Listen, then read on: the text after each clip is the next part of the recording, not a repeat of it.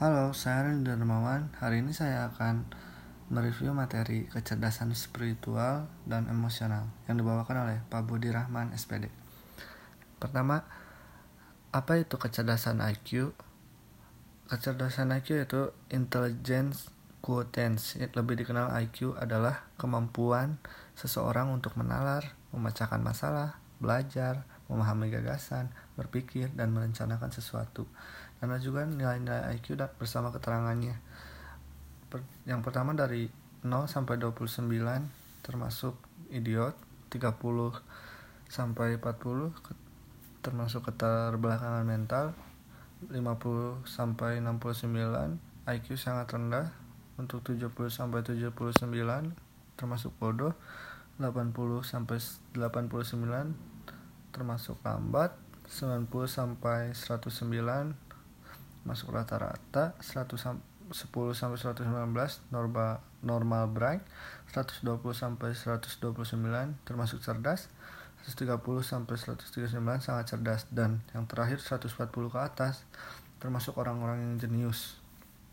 Nah, kecerdasan intelektual saja tidak cukup dan perlu kecerdasan emosional juga. Nah, menggunakan kecerdasan emosional. Kecerdasan emosional adalah kemampuan merasakan dan memahami secara lebih efektif terhadap daya kepekaan emosi.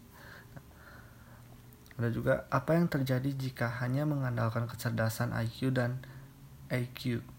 Mereka tidak akan mempunyai sumber-sumber emosi jika hanya mengandalkan kecerdasan IQ dan AQ.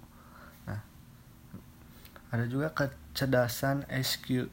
Nah, Segala yang kita lakukan dari siapa untuk siapa akan ke mana. Di sinilah kecerdasan SQ berbicara, yaitu seperti surga atau neraka. Karena SQ sendiri ya itu lebih mendalami soal keagamaan seperti surga dan neraka itu.